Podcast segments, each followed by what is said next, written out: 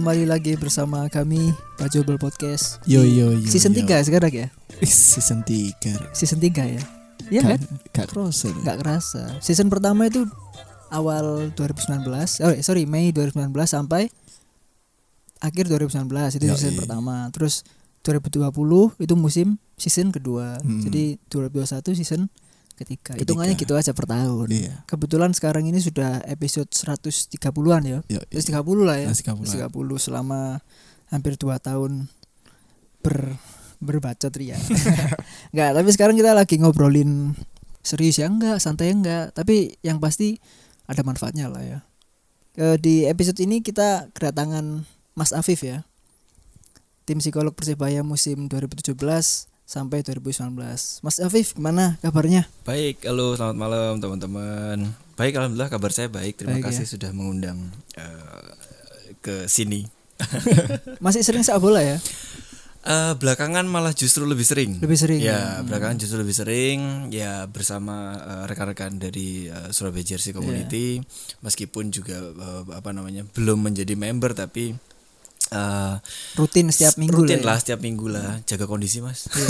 kita biasa juga sepak bola biasanya Oh, mas iya? tapi nggak bisa bangun pagi kadang-kadang kan Oh, ya gitu. gitu Iya iya sore berarti ya. sore sore pun malah pergi Kadang di mimpi ya Sak bolanya di mimpi ya itu.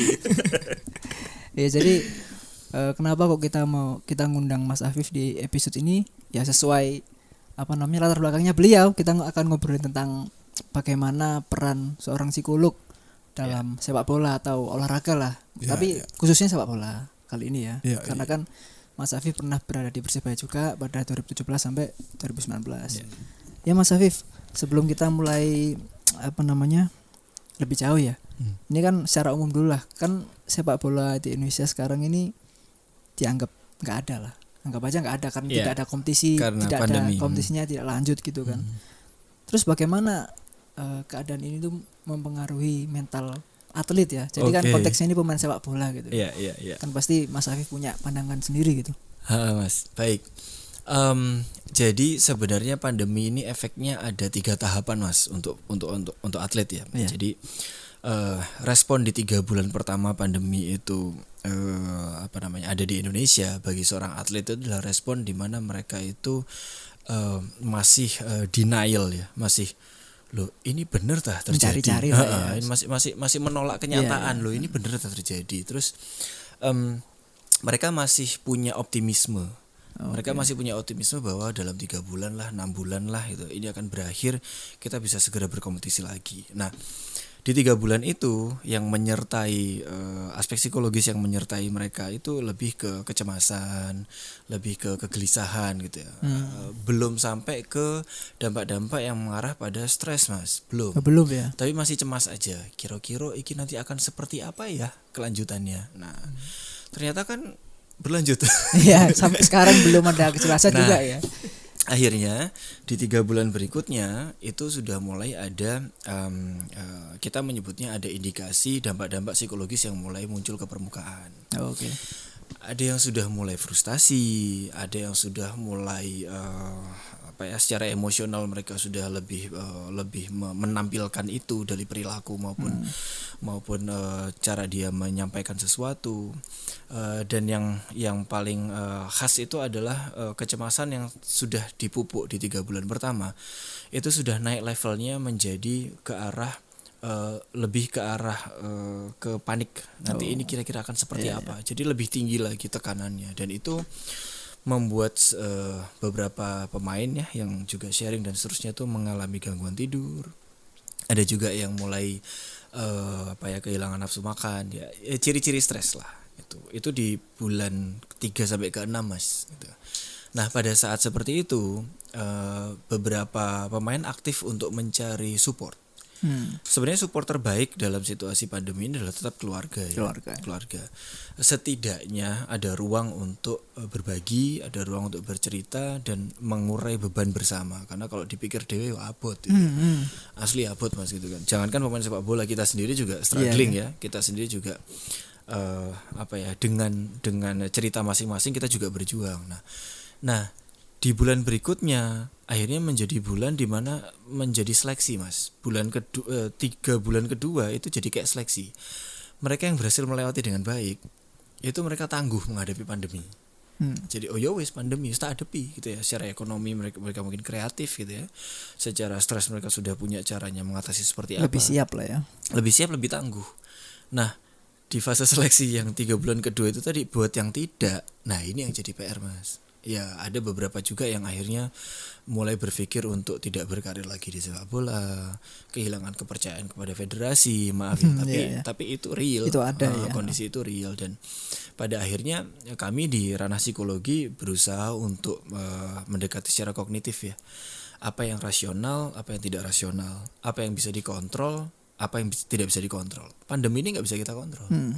tapi pikiran kita terhadap pandemi bisa kita Bisa. kontrol nah itu mas yang yang yang eh, apa ya sebagai gambaran umum lah bagaimana pandemi ini menyerang eh, Seorang seorang atlet ya Hmm. terutama sepak bola itu sih itu maksudnya secara umum atlet mungkin hampir sama ya. Hampir sama, Entah secara itu umum hampir sama. pemain misalkan main volley atau apa mungkin hampir sama ya. Hmm, hmm. Dan mungkin sepak bola akan lebih berat ya karena eh, kejelasannya masih menjadi tanda Iya, iya. tanya. Basket kan sudah siap. Sudah, Ah, tinggal basket musim jalan. depan ya. Ah, musim depan udah tinggal jalan. Iya sih. Jadi ya kalau ngomong seorang atlet itu kan maksudnya biasanya ya olahraga itu. Iya, Kegiatannya olahraga. Olahraga bukan eh apa? Sepak bola bukan hanya kegiatan olahraga Hmm. tapi juga profesi, pekerjaan. Mungkin kalau bisa membayangkan apa ya? Ancaman kehilangan pekerjaan seperti itu mungkin ya. Iya, kehilangan pekerjaan dan em, gini, eh preventif eh, apa ya approach ya mas, pendekatan preventif terhadap situasi-situasi buruk itu belum semua pemain atau belum semua atlet di Indonesia Iya. tuh siap mas. Nah sebenarnya fungsi ya nanti mungkin akan kita ulas lebih jauh, tapi fungsi psikologi olahraga sebenarnya adalah untuk mempersiapkan ketangguhan atlet. Nah itu sih. Agar entar waktu ada keadaan yang mungkin hampir sama yang mirip bisa lebih siap begitu ya. Hmm, hmm, betul. Ya, ya, ya. Jadi bukan hanya masalah ini aja ya, bukan masalah Bukan di hanya tim, masalah di tim lapangan. ya, di lapangan. benar, benar. lebih dari itu ya mas itu tadi kita ngomong apa namanya keadaan pandemi sekarang gitu ya kan Hmm. untuk seorang atlet tapi nanti suatu saat misalkan ya entah itu tahun depan atau katanya kan mungkin Februari katanya anggap aja Februari udah lanjut lagi kan pemain harus kumpul lagi ke tim Hmm, hmm. yang mana beberapa bulan tidak berkumpul dengan tim maksudnya kan kembali ke Iya. keluarga masing-masing kan Iya, terus iya. akhirnya kembali chemistry kan banyak yang hilang Hmm. harus memoles ini lagi harus apa namanya membangun kepercayaan lagi antar pemain tuh juga pasti kan rumit bagi seorang pemain kan main sepak bola Iya. apalagi nih masalahnya ya masih ada covidnya Betul. dan harus adaptasi lagi gitu. Betul, betul. Ya. Em, jadi gini mas, kalau kalau terkait dengan itu ya pasti mas. ya Jadi- kan pasti kan Pasti. iya kan iki apa iki Tapi ono beda ya mas. Gimana Ada tuh? bedanya. Bedanya itu begini. eh, biasanya eh, end of season gitu ya, Hmm. is pre-season. Oke. Ah, itu itu yang saya eh, yakini dan saya pelajari di sport science gitu bahwa ketika season berakhir Hmm. saat itulah sesegera mungkin itu adalah pre-season. Oh, oke Jadi eh, bagaimana atlet menyikapi post season atau setelah season selesai itu juga akan menggambarkan kesiapan mereka untuk menghadapi season berikutnya. ya Makanya saya di 2017 ketika kita champion itu eh, mungkin eh, beberapa pemain masih akan ingat gitu ya bahwa yang saya sampaikan adalah eh, bukan hanya silahkan menikmati kemenangan ini tapi segera lupakan besok hari tidak, tapi bahwa kita baru memasuki ke Liga 1. Jadi euforia ini harus kita kendalikan. Kenapa? Karena eh, pada saat itu yang saya pikir adalah persebaya panjang mas ya kan persebaya panjang dan Iya. Liga 1 tuh kayak kita masih tok tok tok lo nuwun Iya, Kita iya. baru masuk Baru, iya, ya. iya. kita baru masuk saya khawatir dengan pemain kita yang eh, rata-rata usianya 23, sekian ya karena ya. regulasi liga dua waktu itu ya mem- Betul. mengharuskan itu masih ya. muda-muda terbuai dengan eh, gelar champion itu Hmm. jadi tak riset mas wis selesai pulang dari Bandung di pesawat selesai kembali ke rumah masing-masing ke keluarga kenapa saya harus tekankan keluarga? Karena setelah itu mereka fokusnya adalah kembali bekerja. Iya. itu sih mas. Nah itu yang eh, apa namanya? Nah kalau di pandemi ini nanti ketika nanti akhirnya liga jalan lagi itu tidak sesederhana itu. Karena ada banyak sekali adaptasi kebiasaan baru mas. Yang ini yang yang saya sebelumnya tidak pernah dilakukan mungkin ya. Betul. Dan saya sampai saat ini belum melihat ada satu standar yang eh, ajek ya Iya. kalau bahasa kita tuh eh, bisa kita jadikan rujukan. Oh, Hmm. berarti kudu ini. Nah, ini kan akan menjadi suatu celah untuk terjadi Iya. penerimaan yang kurang baik. Juga mungkin nanti eh, merasa perlakuan berbeda. Oh, kok tim A enak ya, semuanya difasilitasi. Kok aku enggak ya? Ini akan mempengaruhi. Iya, Konflik baru bisa timbul Betul. konflik baru juga. Jadi chemistry antar pemain itu kalau saya Mas Iya, ya, itu saya letakkan Uh, nomor sekian sih. Yang penting buat saya adalah bagaimana pemain menerima pandemi. oke. Itu dulu. Kalau itu sudah bisa kita kunci, nah nanti tim akan bisa kita persiapkan dengan baik. Iya, jadi masalah chemistry pemain itu nomor sekian ya. Nomor sekian, Sekian. nomor Jadi ad- ada hal yang harus dipersiapkan Ya, lebih awal seperti yang Acceptance. tadi adaptasi baru. Iya, iya. Iya, iya, maksudnya ya pasti juga penting kan sebelumnya liga belum pernah ada kayak gini diterapkan begini pasti pemain kan kaget kan Kaget. ibarat ibaratnya gini Mas, sorry. Kalau misalkan kita fokus pada chemistry nih, Hmm. gitu ya, tapi ternyata masing-masing kepala itu punya Iya, persepsi iya. yang penerimaan yang berbeda-beda, ya. Podo Mas. iya. Susah, Mas. iya iya Eman. iya iya ya tadi itu secara umum lah tentang pandemi dalam sepak bola ini Iya. kan ya yang mengaruhi sepak bola tapi Mas Afif pernah berada di Persibaya cukup Iya. lama gitu kan pernah menjuarai ikut mem- membawa Persibaya Iya. juara Iya. waktu Liga 2 juga gitu jadi pengalaman yang sangat-sangat bagus juga buat Mas Afif dan ya mungkin nggak tahu lah untuk beberapa teman-teman juga tapi kalau eh, balik ke awal Mas Hmm. sebenarnya awal bergabung seperti apa ya Mas ceritanya maksudnya kok tim ini dibentuk ya Iya. setelah apa disahkan waktu itu setelah disahkan PSSI lagi bukan kok tiba-tiba nama Mas Afif ini akhirnya ada gitu Iya. di di jajaran tim pelatih gitu. Baik. Ya. kan banyak yang nggak ngerti juga ini maksudnya kok tiba-tiba ada tim psikolog biasanya kan nggak ada Mas. gitu kaget juga kan orang-orang bahkan sampai musim ketiga tuh banyak yang belum realize. iya iya makanya itu iya Jadi eh 2017 itu Persebaya sedang eh, turnamen Piala Dirgantara. Jogja itu ya Betul. Saya sedang komunikasi dengan eh, salah satu manajer eh, salah satu staff manajemen waktu itu eh, menanyakan kabar, just say hello sih sebenarnya gitu kan. Terus eh, karena sebenarnya kan em, 2013 sampai 2016 kan saya di Liga Basket Mas oke untuk referee development program aspek psikologis pada wasit. Terus eh, dari menanyakan kabar itu eh, dua hari eh tiga hari berikutnya saya terima telepon lagi. Pada saat itu beliau bertanya Mas lagi lihat pertandingan nggak? Wah pertandingan apa? Persebaya lagi di Jogja waktu itu. Oh saya mendengar kabarnya, saya memantau dari Instagram dan seterusnya. Kenapa Mas? Oh nggak apa-apa, saya nanti tak telepon lagi. Wah kaget kan saya, ada apa nih gitu. ya. Oke, terus kemudian eh, selang 40 menit eh, berikutnya saya ditelepon, ditanya, Mas di Surabaya kita segera ketemu. Loh, ada apa? Saya tanya gitu kan. "Eh, kami butuh untuk membuat bangunan sport science pada tim Persebaya pada saat itu. Wah, saya mendengar kalimat itu mas, itu saya tidak punya alasan untuk tidak bergabung. Jadi ketika saya dengar pertama kali, saya langsung tanya ke beliau, apa yang harus saya siapkan? Saya tolong dibuatkan rencana program, Hmm. gitu kan. Dalam hati saya antusias, ya kan. Di kepala saya pusing. iya iya iya. Aku belum mengenal persebaya Iya. waktu itu kan. Terus tapi ada ada ada permintaan untuk bikin program. Tapi kami di psikologi itu punya kode etik mas bahwa semua yang kita lakukan harus berbasis need assessment, need analysis. Jadi di program itu tak tulis tiga bulan awal saya akan coba untuk mengidentifikasi ini dan seterusnya.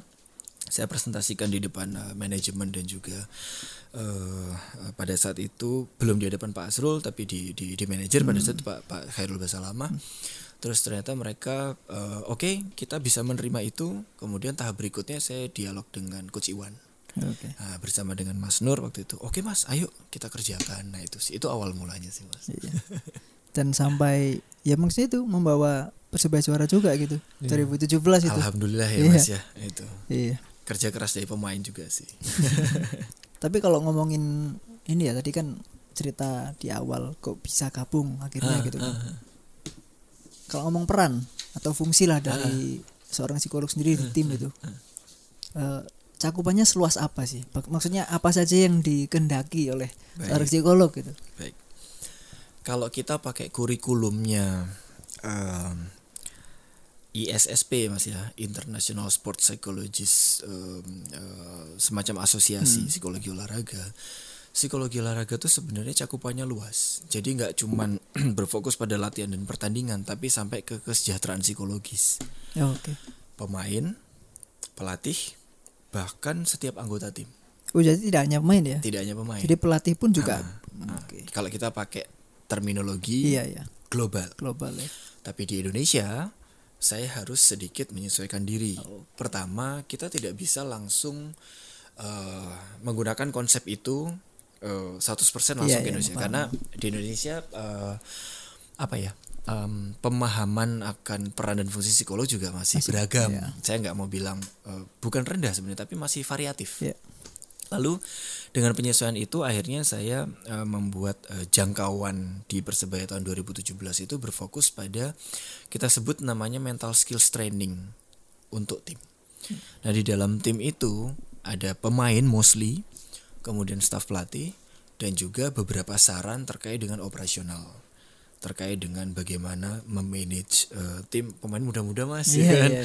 pemain muda-muda gitu kan? Terus eh, dengan eh, ya perkembangan emosi dan ego yang beragam gitu kan? Beberapa saran akhirnya kita berikan. Jadi kayak misalkan waktu makan harus gimana nih? Nah itu ada saran di sana. terus berangkat seperti apa? Ada saran di sana. Gitu sih mas. Jangkauannya di situ sih. Jadi nggak sampai seperti idealnya gitu ya tapi eh, di Indonesia memang fokusnya pada tim atlet dan pelatih Tapi kalau menurut pandangan teman-teman sendiri gimana? Seorang psikolog dalam tim sepak bola kayak ngono nggak kira-kira bayangannya kan waktu pertama itu kan? Yo gak sih. Gimana ya? Kalau nggak gimana kan pandangan lain kan harus dengarkan gitu. Ya kali pandangan gue sing tentang psikolog. Aku kaget pas waktu persebaya memperkenalkan seorang psikolog waktu itu.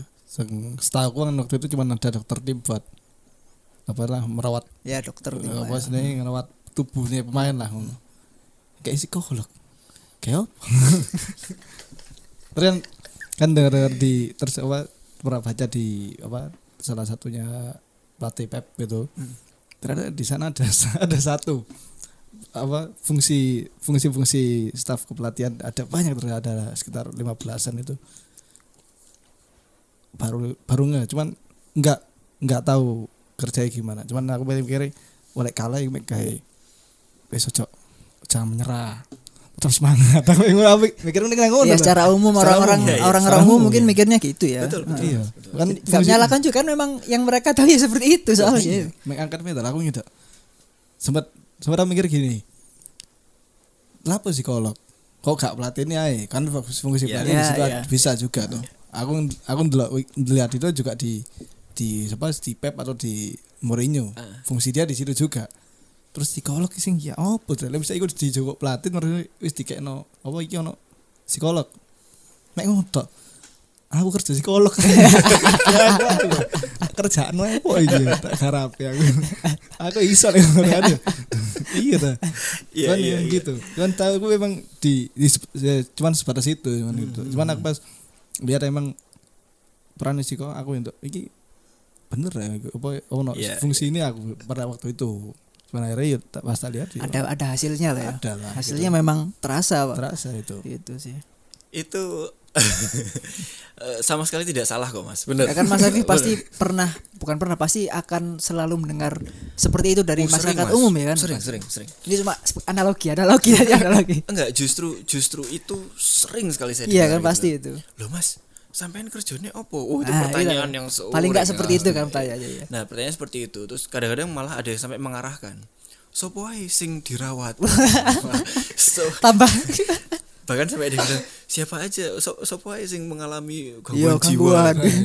Waduh. saya menyikapi dua sisi mas. Satu sisi, wah berat juga nih berarti. Maksudnya memberikan ya, psikoedukasi kepada Ah. masyarakat berarti harus dengan apa yang saya kerjakan harus ditampilkan. Ekspektasi berarti ya. Padahal di satu sisi secara etik pekerjaan psikolog itu memang rahasia. Iya, Nah, iya, itu iya, loh. Jadi ya itulah. saya bisa menerima itu. Iya, gitu. iya. Ah, tapi pada pada saat ada pertanyaan seperti itu, eh, saya berikan secara sederhana gini. Jadi tugas saya adalah membantu matahari bersinar. Siapa mataharinya? Pelatih. Hmm. Gitu ya. Terus eh, bagaimana cara membantunya? Preventif, bukan kuratif. Kalau tadi Iya, disampaikan itu kan berarti lek ono sing Dikte lah sedih, ya, murung dikte. gitu kan. Iya, iya. Sudah, ayo kamu semangat. ya. Gak ngono. lek ngono psikolognya butuh disemangati. Apalagi kalau udah kalah. Iya, iya. Sama aja. Tapi kita prevent Mas. Jadi sebelum pemain itu, pemain itu kita ajarkan untuk menerima kekalahan itu seperti apa, menerima kemenangan juga gimana. Hmm. Agar mereka tetap berada pada level arousal yang tepat. Tidak over dan juga tidak under gitu sih. Jadi itu yang yang terjadi. Iya, tadi ya gitulah itu peran atau fungsi ya Iya. di seorang psikolog di sebuah tim. Mungkin nggak hanya tim sepak bola ya, mungkin di tim olahraga juga seperti itu ya. Mungkin Iya. tergantung mungkin tergantung ini ya olahraganya juga kan pasti Betul. ada macam-macamnya kan kebutuhannya lah ya. Tapi kalau mengacu pada Secara umum mungkin memang eh, itu ya. rencana Kemenpora dan KONI Mas 2021 ini sedikit bocoran. Nanti setiap cabur itu harus didampingi satu psikolog. Harus. Setiap cabur ya. Terutama untuk menghadapi SEA Games Asian Oh, Games iya, iya. dan juga proyeksi eh, apa namanya Olimpiade 2032. Itu Ya, Oke. Jadi memang dipersiapkan akan dipersiapkan akan dipersiapkan. jauh-jauh hari ya sebelum Ya. tahun berlangsung ya. Iya. Kita tunggu aja nanti perkembangannya bagaimana kayak. Iya. Jadi- kita daftar aku ini. Tadi apa? Iya mau. Oh iya. iya. Ini tak ayo ayo. ya gak gondol lah. iya. Mas Afif, waktu di Ya. Persibaya kan entah itu musim 2017 atau sampai 2019 ya Hmm. kan pasti Persibaya setiap hampir setiap musim kalau saya lihat kita amati itu pasti akan ada ups and downs kan. Ya, ya. di saat apa namanya eh, di titik yang sangat-sangat Hmm, tinggi mentalnya ya maksudnya secara kepercayaan diri terus di mana titik akan sangat rendah gitu entah Hmm. setelah menerima kekalahan atau kejadian apa itu seorang psikolog Mas Afif sendiri di Persibaya waktu itu bagaimana mengambil ini sebagai Hmm. apa ya maksudnya peran Mas Ari- Mas Afif ini dimaksimalkan di keadaan seperti itu gitu. Iya, eh, ups and downs itu kan masih kan berbicara ini ya sama pemain juga kan masih Ah, ah. karena kan apa namanya hubungannya juga sama pemain soalnya yang main ya pemain gitu Mhm. pelatih juga atau yang lain lah mungkin Ini mas, inilah spesialnya Persebaya ya. Hmm. Jadi ups and downs itu nggak cuman soal hasil, iya ya kan. Tapi bagaimana eh, situasi-situasi yang di create oleh eh, pemain dan tim itu akan menimbulkan respon yang seperti apa Iya, juga iya. di khayal ha- khalayak gitu ya. Dan itu yang akan membuat situasi ups and down. Nah, dari paradigma itu mas, sebenarnya yang bisa mengendalikan ups and down itu adalah pemain sendiri sendiri tim sendiri. Nah, tugas psikolog pada saat itu adalah bagaimana caranya prevent itu tadi. Ya kamu harus tahu setiap tindakanmu itu akan membuatmu menjadi ups atau downs. Jadi kamu memilih Konsekuensi lah ya. konsekuensi. Jadi kita mau sama-sama merasakan apa? Kalau kita mau ras- merasakan sama-sama down, mau, mau down sama-sama ya, ya sudah kita lepas aja tanggung jawab di beberapa orang. ya ya gitu kan. gitu mungkin Tapi kan nggak mungkin. Iki persebaya. nah, saya banyak banyak melakukan eh, counter kognitif mas. Jadi saya banyak melakukan eh, eh, meres eh, apa ya me- menata kembali cara berpikir, cara menilai situasi dari pemain. Saya ajak mereka untuk lebih banyak berpikir, tidak hanya bermain sepak bola, tapi berpikir bahwa kalau kamu melakukan apa akan ada akibatnya apa dan seterusnya. Tapi saya minta mereka juga untuk belajar mengambil keputusan. Hmm. Lalu pada bagian akhir biasanya menjelang pertandingan itu kita adakan semacam eh, komitmen bersama. Hamin satu itu biasanya seperti itu mas. Meskipun itu tidak eh, tidak 100% bisa me- melindungi rekan-rekan dari downs, gitu Iya. kan. Tapi setidaknya pada saat downs mereka bounce back mas. Mereka cepat pulih kembali kayak bola sepak bola tuh Iya, kalau kita mental, langsung mental. Ah, langsung mental lagi gitu, kuat gitu pantulannya. Nah, kita berharapnya seperti itu. Ups pun sama gitu. Bahayanya itu adalah kita terlena gitu kan. Terlena. Nah, sehingga saya di Liga 2 nih, eh, saya membatasi eh, pemain maaf untuk mengakses media sosial. Pada saat itu agar tidak terlena dengan pujian. Yang pujian itu adalah euforia, Euforia. supporter. Supporter berhak melakukan itu, tapi pemain tidak perlu melakukan itu. Kenapa? Karena eh, ya bolehlah sedikit lah, Sedikit lah, sedikit. sedikit boleh lah. Tapi setelah itu Ada mereka takarannya lah ya, ya, ada ada takarannya takarannya. mas. Setelah itu mereka harus kembali lagi dan eh, pada akhirnya eh, fokus kembali ke eh, situasi yang harus mereka hadapi. Prinsipnya adalah after match is pre match. Jadi saya bikin seperti itu. Jadi pemain Persebaya melelahkan sekarang. Jadi pemain Persebaya itu tak kasih bocoran. itu melelahkan. Karena waktu itu yang kita tata di 2017 itu adalah setelah selesai match adalah pre match. Ya mungkin malam itu kalau menang ya mereka tidur nyenyak Iya. gitu. Besoknya sudah recovery, sudah siap. Itu sih. Ya, Prevent. Jadi pemain kak apa? Oh. Jadi pemain kak melelahkan loh. Yo kayaknya mending dadi psikolog. Ya kan ngono. iya iya. Berarti besok ngomong Mas Afif ya kalau yang itu mau ini loh yang Power ini loh Oh iya. pelatihan Oh, dulu. tenang. Iya, bar- barangkali bisa bantu-bantu. Bisa langsung masuk kan. iya. Jadi menarik lah. Jadi ups and downs bukan karena hasil juga ya, bukan Iya, karena hasil apa namanya pertandingan, Iya. bisa masalah hal lain juga gitu. Betul. Apalagi masalah personal kan pasti ada ya kan. Banyak. Banyak kan, tapi kita nggak akan ngomongin itu Iya, iya. secara detail, tapi kan pasti akan ada itu kan. Iya. Karena kan masing-masing individu punya kehidupannya masing-masing gitu. Betul. Tapi ada satu kesepakatan mas eh, dan itu membuat saya sangat bahagia 2017 itu. Setiap masalah yang sifatnya personal itu well maintained. Oh, Oke. eh setiap dari teman itu punya sense yang baik untuk mendukung, untuk melihat temannya itu butuh dibantu atau tidak, dan ketika membantu itu betul-betul memang niatnya membantu dan bantunya itu bukan untuk diri temannya ini mas, Iya. untuk tim. Jadi yang didahulukan adalah tim. Jadi ya ada sih beberapa situasi ya mungkin tidak bisa semuanya saya Iya. ceritakan, tapi ada situasi yang sangat personal yang berpotensi untuk mengganggu pertandingan besoknya. Tapi apa yang menjadi inisiatif teman-teman malam itu? Itu saya udah perjalanan pulang, Mas. Jadi udah pre-match gitu kan, udah selesai. Berarti Mas Afif nggak ada ini di tempat ya? Ah, saya sudah ngasih sesi kan. Hmm. Ada kejadian. Jadi ya, waktu itu manajer sempat telepon, "Mas iki piye?" Oke, Pak, saya akan kembali, Hmm. tapi saya hanya akan memantau. Karena mereka sudah kita ajarkan untuk menyelesaikan masalah sendiri, bagian dari kekeluargaan. Iya, Mas. iya. So saya sendiri mas, didampingi sendiri ini sendiri seterusnya. Terus saya datang, gimana? Udah kok Pak Afif, udah aman gitu kan. Nggak kira-kira mengganggu nggak untuk besok gitu kan? Enggak, nggak apa-apa. Kita cuma butuh tidur cepat aja. Ya udah, yuk tidur aja. Udah. Gampang lah mas. Karena dari awal sudah diajarkan itu sudah ada tadi ya. prevent, nah, sudah ada bekal mas. Ya beda lagi kalau misalkan tidak ada mungkin tidak ada mengajarkan bagaimana mengatasi ini malah wah bisa ribut sendiri kan maksudnya ya bisa kan. ya. ya bisa bayangkan ya bisa bayangin Iya. sih kalau jadi peran ya, penting loh berarti Ya kan, di dalam keharmonisan tim ya ngomongnya kehar- Ya, keharmonisan keharmonisan, ya keharmonisan.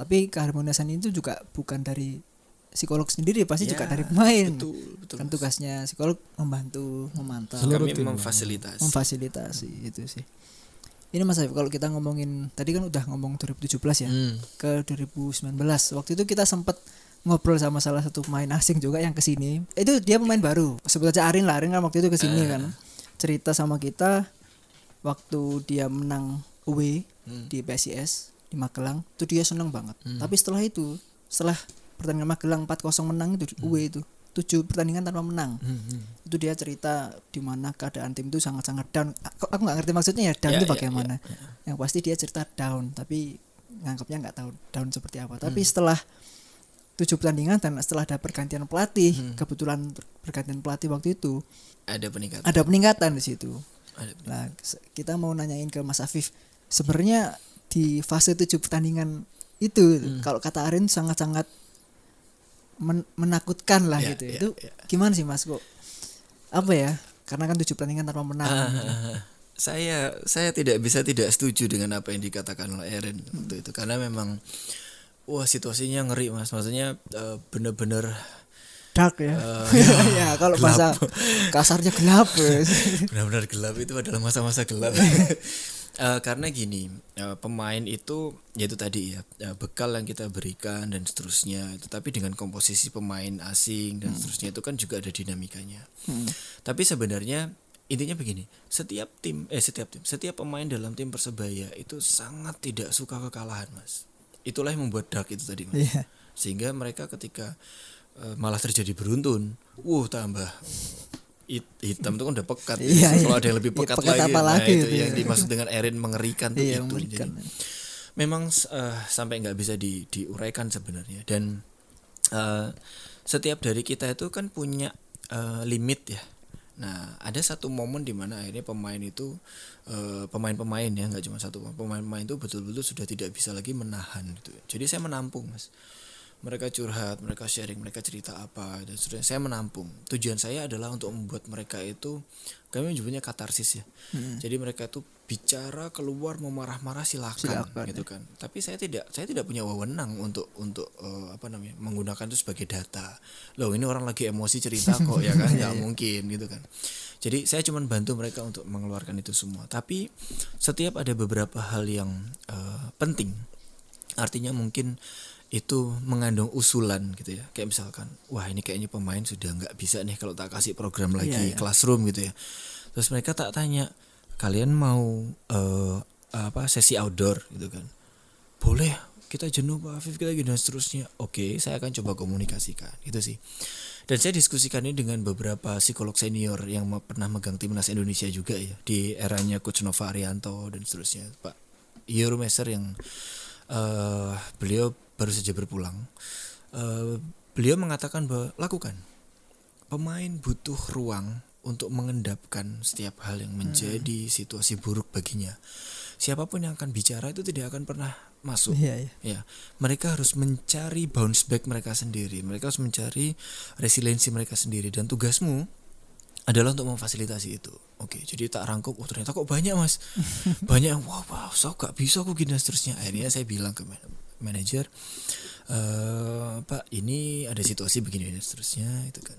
Eh, rekomendasi saya ini itu kan. Dilakukan atau tidak itu kembali ke manajemen. rekomendasi ya, rekomendasi. hanya rekomendasi mas. Jadi saya bukan orang yang lakukan. Aku sopo. Itu mas. Iya, iya. itu sih. Jadi memang apa namanya pasti juga akan mendengar cerita-cerita dari seorang pemain ya. iya mas. Dan eh, itu eh, jadi istilahnya gini saya pun juga manusia ya Iya, gitu. iya. jadi saya pun juga punya limit Iya, gitu.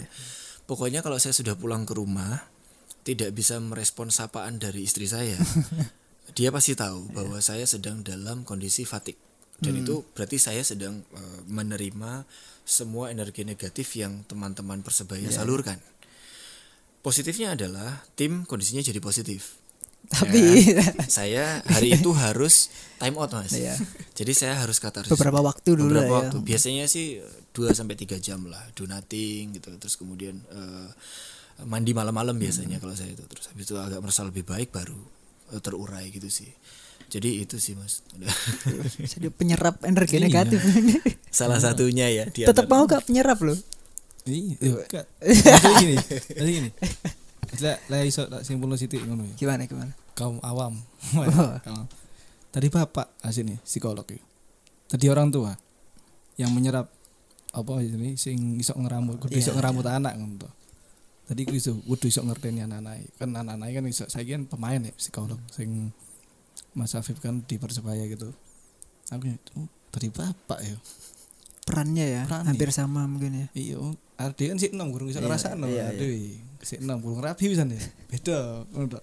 Makanya iso iso iso iso Ya, ya menjalani. mungkin secara tidak langsung seperti itu Iya, Mas Afif ya. Mirip-mirip lah mungkin. Iya. Em, Ada peran bapak di situ gitu mungkin. ap- iya bi- bisa sih bisa, Bisa dikatakan bisa bisa. seperti itu Maksudnya ya. tidak hanya seorang psikolog tim ya, maksudnya bisa Iya. pelatih juga atau macam-macam lah gitu. Gini, jadi mungkin beberapa orang awam yang melihat peran psikolog itu sebagai motivator Mm-mm.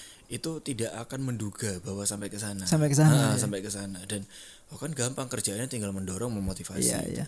Padahal sebenarnya kita bertugas untuk menjaga kestabilan mas. Nah, kestabilan itu. Jadi pada saat terlalu tinggi kita stabilkan, terlalu rendah kita stabilkan. Nah terkait dengan peran menjadi bapak, saya sebenarnya setuju sih. Tapi bapak yang membiarkan anak-anaknya bertumbuh.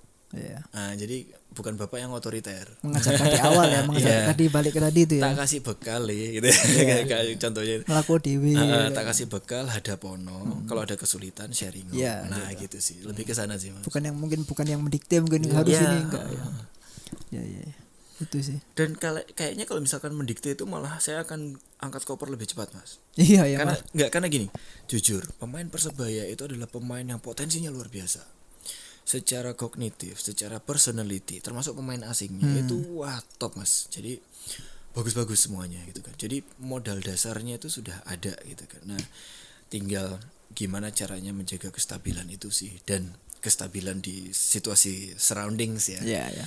Eh, aduh sorry apa perubahan-perubahan sesuatu yang terjadi di liga jadwal itu ganggu mas perubahan jadwal, jadwal itu ganggu banget itu itu itu venue sebenarnya pertandingan Ah, mungkin ya. venue pertandingan Maksud- maksudnya berubah. belum belum ditempatkan yang mana gitu. Ada hal-hal yang bisa kita kontrol kan. Tapi untuk hal yang seketika itu berubah ya saya meminjam meminjam eh, kalimatnya Pak Pres gitu kan. Itu berpengaruh ke persiapan tim. Dan kalau itu sudah terjadi yang bisa kita eh, kendalikan hanya kecil sekali. Iya iya. Karena bukan bukan kuasa kita istilahnya bukan kontrol kita lagi gitu. iya sih. Iya bener bener tapi kalau waktu di persibaya itu mungkin Mas Afif pernah nggak ya pasti pernah lah misalkan bisa ceritalah sedikit momen yang bagi Mas Afif tuh menantang bagi seorang psikolog untuk mengatasi gitu kan serui mas away berarti ya? away seru yang ketika kita pulang eh, kita Iya, iya. disambut itu. Eh, tapi saya bukan berfokus ke sananya, Mas. Jujur ya, terus terang. Kondisi tim pada saat itu memang secara kalkulasi memang sulit. ya. Hmm. Kita berangkat hanya dengan 16 pemain. Menjelang pertandingan yang siap hanya 14 pemain karena ada cedera. cedera ya Eh, menantangnya adalah pertama saya harus membuat mereka sejak dalam perjalanan sampai ke persiapan pertandingan perjalanan yang tak umum ya Ah, ah. kan kan beda beda daripada yang lain juga ya. Kali mas naik pesawat mas Eh, eh, tidak umum di durasi penerbangan Iya. dan juga eh, jadwal penerbangan mereka sudah melawan itu mereka sudah melawan kelelahan mereka sudah melawan eh, jadwal-jadwal itu terus em, kita berusaha untuk mem- merancang sesuatu di sana dan pada saat itu coach Alfredo terlibat Mm-mm. sebenarnya mas jujur ya situasi tim yang paling baik secara psikologis ketika menjelang pertandingan adalah justru ketika pada saat serui menjelang itu Menjelang. sayangnya ya kan sayangnya di table ya kan Hmm. dan di fixtures di Iya, jadwal pertandingan jadwal. dan lain sebagainya itu memang kita sedang dalam fase yang negatif ditambah beberapa faktor-faktor yang lain tentu ya sepak bola kan nggak cuma faktor psikologis ya tapi psikologis akan menjadi pembeda nah eh, itu yang menantang adalah bagaimana pemain itu bisa menerima entah itu kalah atau menang gitu kan Eh, kami sangat terkejut sih ketika pulang itu ternyata seperti itu kondisinya gitu kan. Karena oh wah oke ternyata meriah ya gitu ya. meriah mas. Meriah sekali. Dan saya sangat saya sangat kesal ke diri saya sendiri karena pada saat itu biasanya saya ikut bus mas. Tapi hari itu saya tidak ikut bus. Ya jadi agak cukup menyesal pada saat itu ya. Tapi saya sudah bertemu dengan pemain saya minta maaf secara personal.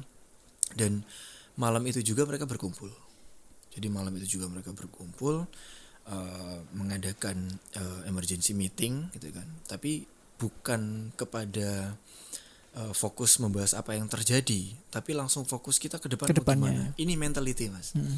bounce back mentality. Dan itu yang saya anggap sebagai suatu hal yang persebaya di tahun itu achieve something gitu ya. Meskipun saya prestasi belum ya karena kita masih terseok-seok dan seterusnya tapi mentality ada. Jadi kalau ada kesulitan aku mau ngapain? Itu sudah ada otomatis. Oh itu saya rasanya terharu mas. Ini saya ngobrol sampai merinding nih. Jadi mengingat itu kembali itu saya masih ingat eh, tangisan dari pemain teriakan pemain gitu kan. Kok semua keluar dari hati? Kok semua keluar dari hati? Dan itu adalah suatu eh, gambaran eh, mentality yang luar biasa. Itu yang paling menantang sih mas. Jadi mengelolanya dan seterusnya. Eh, bukan soal hasilnya kalau Bukan saya. soal hasil. kalau saya sih pribadi ya hasil itu pasti saya prediksi. Tapi saya tidak boleh terlalu memprediksi. Karena saya psikolog mas. Iya. takutnya nanti saya terbawa di suasana perasaan pemain. Lah pemainnya kalau butuh saya saya gimana? Oh, sayanya gitu juga kan jadi bahaya juga. Itu sih pengalaman yang paling menantang bagi saya. Dan sekaligus berkesan. Berkesan seru ya. seru Jadi kita bacain pertanyaan teman-teman di Twitter ya. Hai, terima kasih karena masih mendengarkan Bajul Ball Podcast. Jangan lupa ikuti kami di Twitter at Bajul Ball dan Instagram at Bajulbol Podcast. Kunjungi juga website kami di www.bajulbol.wordpress.com. Ini dari Twitter ya Mas Afif ya. Ini ada pertanyaan. Pertanyaan nggak jauh beda sama yang ke Dokter Tommy. Ada kasus terunik nggak selama nangani Persibaya? Plus pengen dapat cerita gimana grup norm di tim dan kira-kira faktor apa yang paling berpengaruh buat terbentuknya grup norm itu sendiri. Hmm, Oke, wah bagus sih pertanyaan. yang pertama pasti ada. Nah, kalau ada kejadian-kejadian yang personal itu pasti ada, tapi prinsipnya adalah eh, segera teridentifikasi dan segera terselesaikan. Sih. Jadi eh, apa namanya? eh, kita juga harus punya kepekaan untuk memprediksi apa yang akan terjadi secara personal dan membuka ruang ketika ada yang tidak kita prediksi agar penanganannya lebih cepat. Sih, guys. Terkait dengan grup norm, norm ya. Itu kita ciptakan mas sejak 2017 jadi kita bikin eh, value. Kita bikin nilai, Nilai. tim. Kita bikin nilai tim. Dan mungkin kalau nanti bisa diundang lah mungkin alumni 2017 Iya, iya. itu mereka pasti sangat menginternalisasi value-value itu. Nah cara menciptakannya itu adalah dengan eh, saya di tiga bulan awal itu melakukan assessment mas. Jadi saya identifikasi personality saya identifikasi juga eh, keunggulan aspek apa yang perlu dikembangkan dari situ kita punya mapping kan? Kita punya pemetaannya. Nah dari situ kita bisa tahu oh berarti tim ini untuk memasukkan norma tertentu caranya seperti apa dan normanya bagaimana. Karena 2017 itu kebutuhannya adalah disiplin pemain muda disiplin. Nah faktor yang menguntungkan adalah high achievement orientation. Pemain-pemain muda kita tuh punya dorongan untuk berprestasi. Nah dari situ kita kita ramu. Akhirnya ketemu eh, grup nom itu tadi. Tapi tetap eh, saya bukan kepala sekolah. Jadi ketika eh, saya punya eh, suatu norma tertentu kita diskusikan dengan pemain juga akhirnya muncul kesepakatan bersama mas dan itu ditulis oleh mereka masing-masing di flip eh, di apa namanya sticky notes Sticky notes. Oh. ditempelkan di ruang eh, kayak kita punya ruang keluarga gitu ya ruang makan ruang komunitas lah itu mereka bisa lihat oh ada Maulana nulis ini oh Ambon nulis ini gitu. itu sih itu grup normnya Oke, jadi memang sudah diterapkan ya. ya terapkan Suasana saat away di Banjarmasin. oh iya iya jadi eh kalau eh, tak coba jawab ya jadi eh, setiap pemain itu pasti punya punya suatu perilaku perilaku tertentu lah nah, tidak cuma satu dua orang saja dan dan setiap eh, perilaku itu pasti akan memberi dampak pada pada tim. Nah, tinggal bagaimana caranya kita mengidentifikasi sejak awal dan bagaimana memprevensi sih. Gitu. Nah, apa yang terjadi pada setiap pemain itu juga ada hal-hal yang bisa kita kelola dan ada hal-hal yang memang menjadi urusan sangat personalnya pemain. gitu. Nah, kalau sudah seperti itu, Mas, ya ibaratnya kita juga harus menghargai juga kan. Dia sedang berproses dengan dirinya sendiri ya kita nggak perlu langsung terlalu ikut iya. campur. Kecuali misalkan memang dari yang bersangkutan menyatakan bahwa Mas aku butuh dibantu dengan alasan yang sangat personal dan sejauh ini sih semuanya menggunakan norma tim. Jadi ketika ada sesuatu yang terjadi secara personal yang mereka sampaikan adalah mereka peduli dengan tim. Aku takut nanti akan begini-begini seterusnya gitu sih. Apa bener Pak Doni bonek lebih manjur timbang amuane Pak Pres. Gila ya. Iki pertanyaan jebakan. Gini, eh Paido bonek itu adalah suatu hal yang sangat eksklusif. Mungkin hanya dimiliki oleh tim persebaya. Levelnya beda ya. Maksudnya iya iya. Saya eh, berinteraksi dengan rekan-rekan di Jakarta, di Bandung, mungkin juga di Malang itu, tapi eh level dan intensitas, sih mas. Intensitas. Kalau level nggak, inten- Intensitasnya intensitasnya ya. memang bonek itu wah konsentrat lah, Iya, iya. pekat sekali untuk paidonya itu. Nah, eh, kita tidak bisa kita tidak bisa merubah itu karena itu menjadi eh, budaya yang bisa Sudah kita kebiasaan lah ya, ya, ya. Dari lama menjadi seperti kebiasaan itu, ya. dan itu adalah suatu eh, salah satu faktor yang membuat bonek eh, menjadi mencintai dan memiliki persebaya itu Merasa oke. memiliki kan dari situ Ah, juga. dari ya. situ juga dan saya pun tidak masalah dengan itu. Eh, yang terpenting bagi saya adalah bagaimana menyiapkan pemain itu untuk bisa memfilter, memfilter. Yang menjadi filter adalah fokus pada konten, jangan pada tanda seru, tanda baca yang lain gitu ya, atau kata-kata yang mungkin bisa memancing emosi, gitu kan? Karena sebenarnya mereka seperti itu karena cinta, gitu sih. Iya. Em, memfilternya tapi ya susah-susah gampang sih karena kadang-kadang ada yang kepancing juga dan. Iya iya, macam-macam kan ya. berhasil kok mas Eh, 2018 18. itu menjadi eh, eh, norma kelompok jadi jadi di bus itu wah eh, kayak misalkan satu pemain gitu ya waduh aku blunder iki waduh iki DM ku bakal wah kayak gitu. tapi mereka menyampaikan seperti itu jadi artinya mereka sudah bukan berarti mereka mengabaikan Iya, atau iya. menyepelekan tapi mereka sudah siap ya wis aku siap di doang jadi aku main elek wah gitu itu positif sih Iya, Jadi ada bukan proteksi diri apa ya istilahnya ya. Ya bisa menanggapinya lebih lebih dingin lah Iya. ya. Kan karena pengalaman sebelumnya juga kan. Iya. Gitu. Kalau terkait dengan pembandingan tadi sih sebenarnya dua-duanya tujuannya baik sih Eh, dengan kapasitas dan kewenangan yang berbeda. Iya. Dan saya pikir eh, untuk pemain eh, kita juga mempersiapkan itu. Jadi eh, adalah suatu hal yang wajar ketika misalkan kita mendapatkan komplain, mendapatkan feedback. Feedback itu kan Hal selalu, wajar nggak ya. selalu positif Iya, kan mas. selalu. Termasuk kami di staf latih kok. gitu. Jadi kami kami juga harus siap dengan itu dan itu harus kita samaratakan. Semua eh, pelatih pemain eh, harus siap dengan itu. Iya. Ini lanjut lagi mumpung ada psikolog olahraga bagaimana atlet khususnya pemain sepak bola menghadapi jeda kompetisi berkepanjangan seperti ini. Tadi kan udah dijelaskan Ya, ya. udah, Ini udah. ada tambahan lagi. Hmm. Karena kan tanpa adanya program latihan terus eh, terlebih lagi tidak ada kejelasan dari Hmm, hmm. jaminan kontrak gitu Hmm, kan hmm. maksudnya ini kayak tadi balik lagi kehilangan pekerjaan potensi kehilangan pekerjaan gitu Ya, eh kembali ke makna atlet profesional mas eh, dari pertanyaan itu. Jadi gini, meskipun ada jeda yang cukup panjang, tapi kalau mereka eh, rekan-rekan kita itu ada di level pro, maka sebenarnya mereka pasti akan tetap menjaga kebugaran tubuh mereka sendiri.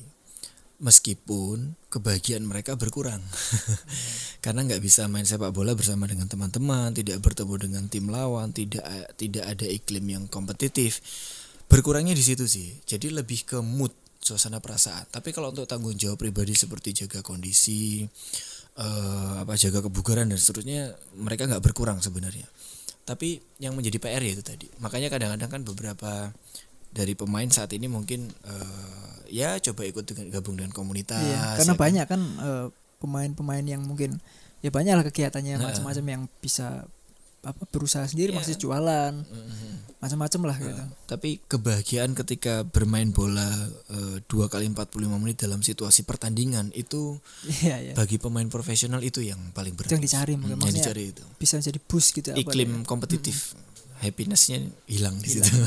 itu sih. Apakah lebih susah menaikkan psikis dan semangat tim ketika main di home daripada away?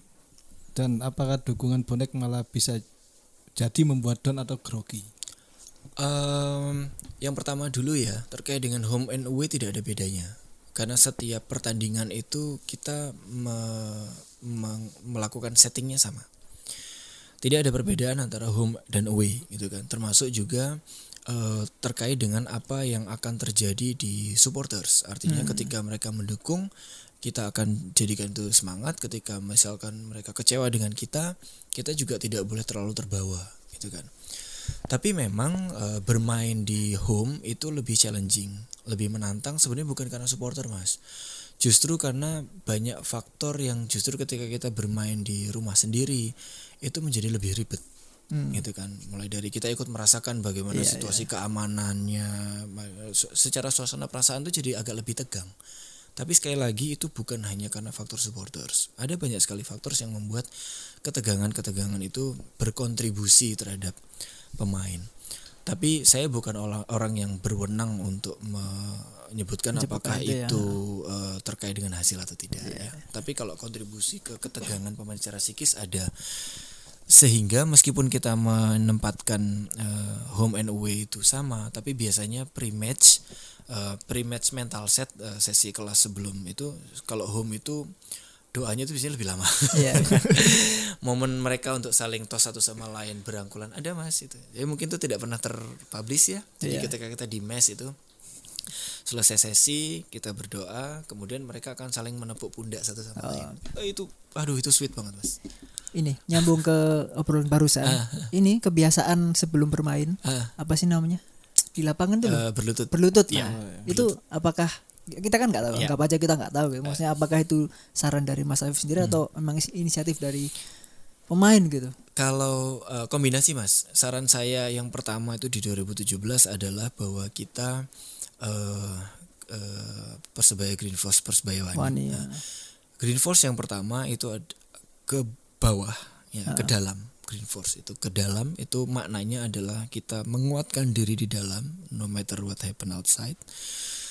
Eh, kemudian eh, Persebaya Wani itu ke atas untuk menyalurkan energi yang sama dengan supporters. Oke. Itu Mas, itu filosofinya. Itu Pokoknya tosnya 2017. gini ya bawah Ya terus kan? naik ke Ini atas terus naik ke atas Oh, oke ke atas ini eh, kami di psikologi percaya bahwa pelepasan energi bersama dengan bukaan tangan. Nah itu. Nah kemudian ketika Kapten Ruben datang, nah eh, Ruben mengatakan bahwa Pak Afif, bagaimana jika energi ke atas kita sambungkan juga dengan bumi? itu. Wah saya nggak kepikiran mas. Lucer. sisi lain sisi lain gitu. Eh, Cap Ruben luar biasa untuk itu.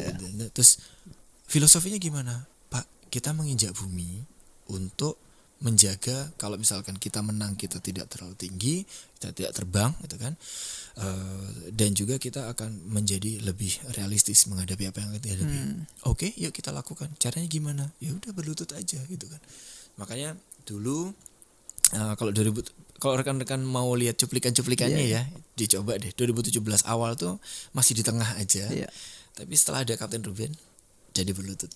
Itu sih usulan itu. Menyatukan energi dengan semesta.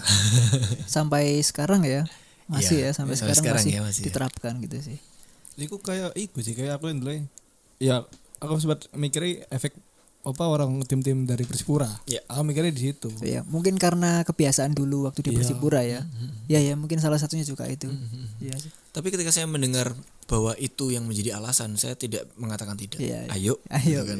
Itu menyempurnakan gitu. Iya. sampai sekarang masih diterapkan deh. Ternyata kakak Ruben adalah sang filsuf sebenarnya. oh iya. Iya kan. Baru ditemukan. iya iya iya. Langsung. Iya bener. Bener juga loh itu. Ini Mas Afif kita kan tadi udah udah ngomong secara umum tentang sepak bola di masa pandemi ya. Terus yang kedua saat Mas Afif di Persibaya. Yang terakhir ini sebagai penutup juga eh, feedbacknya untuk sepak bola Indonesia terutama sepak bola ya di Indonesia. apakah perlu perlu nggak sih eh, peran psikolog di setiap tim nantinya? Karena kan untuk saat ini mungkin masih ya mungkin ada satu dua klub ya tapi tidak semua gitu. apakah di masa yang akan datang dan menerapkan sport science tadi gitu kan? Karena kan ini juga bagian dari sport science ya. Apakah memang seharusnya ada gitu? Eh, kalau untuk sport science-nya harus ada mas, harus ada. Tapi apakah setiap eh, tim yang mengedepankan sport science itu apakah harus ada psikolog? Sebenarnya belum tentu juga, karena beberapa pelatih itu sebenarnya punya kemampuan Oke. untuk itu. Dan eh, di eh, license itu eh, pelatih juga diajarkan untuk bagaimana memaintain. Hanya saja nanti eh, kembali lagi tergantung pada tim itu sendiri. Kebutuhan aspek psikologisnya ada di latihan dan pertandingan saja atau seperti persebaya gitu kan. Yang sebenarnya lebih kompleks gitu kan. Jadi kalau sport science itu butuh dan semoga ke depan dengan adanya yang tadi saya sampaikan ya eh, project-project dari eh, negara juga untuk memasukkan bukan memasukkan. Proyek-proyek untuk me, apa ya me- mengutamakan sport science eh, dalam eh, cabang olahraga itu bisa memberi warna sih. Lalu peran psikolog itu akhirnya berada pada jalur yang benar mas. Karena terus terang sampai sekarang pun saya juga masih terus eh, apa namanya konsisten. Saya berusaha untuk konsisten eh, memberikan apa ya termasuk membagikan pengalaman sih bahwa menjadi psikolog olahraga itu seperti ini, Seperti ini, ya. bukan sekedar maaf eh, memotivasi gitu ya. Eh, atau kita kayak obat kuat mas. Ya apa itu? Jadi misalkan ada nih saya pernah Oh, dapat iya, iya, request iya. gitu kan. Tim ini habis kalah mas gitu kan. Ini sudah saya sudah tidak persebaya Iya, iya. gitu Eh, pak ini tif- eh, tim ini habis kalah nih tiga kali beruntun gitu. Datang ya Hamin satu gitu kan untuk memberikan semangat Oh. agar besok bisa menang. Nggak seperti itu Lah, ya saya bukan obat, saya bilang terus saya bukan obat kuat pak gitu. Ketawa dia gitu kan.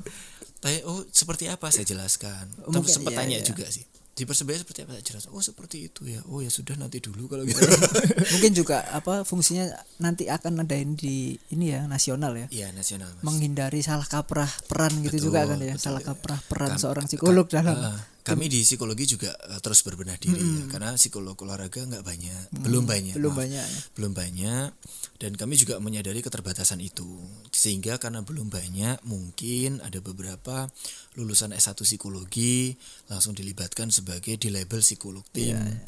Eh, padahal mereka secara etik belum disumpah profesi sehingga kehati-hatiannya sih itu yang masih jadi tantangan bagi kita. Kami juga berbenah dan eh, semoga dengan sepak bola Indonesia kita bisa berkolaborasi dengan lebih baik ke depan.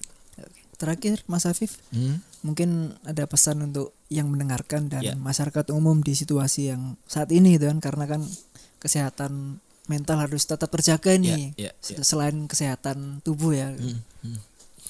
Yang utama tetap eh, 3M. Jadi eh, itu dulu patuh itu dulu karena itu ada suatu perilaku yang tidak bisa di eh, tidak bisa tidak dilakukan. Itu itu dulu harus dilakukan, dibiasakan ya. biasakan Kalau harus kan kayak makso. biasakan ya. Dibiasakan. nanti kan terbiasa gitu. Nanti terbiasa. kalau harus kan harus malah gak kelem kan gitu kan. Pendekatannya harus ada gitu. Membiasakan untuk 3M itu dulu terus eh, itu secara perilaku kalau secara mental eh, kembali tadi seperti yang eh, sebenarnya sama sih seperti yang dilakukan untuk atlet ya. Jadi kontrol yang bisa dikontrol yang tidak bisa dikontrol itu eh, t- tidak perlu untuk diberikan beban yang sangat berlebih.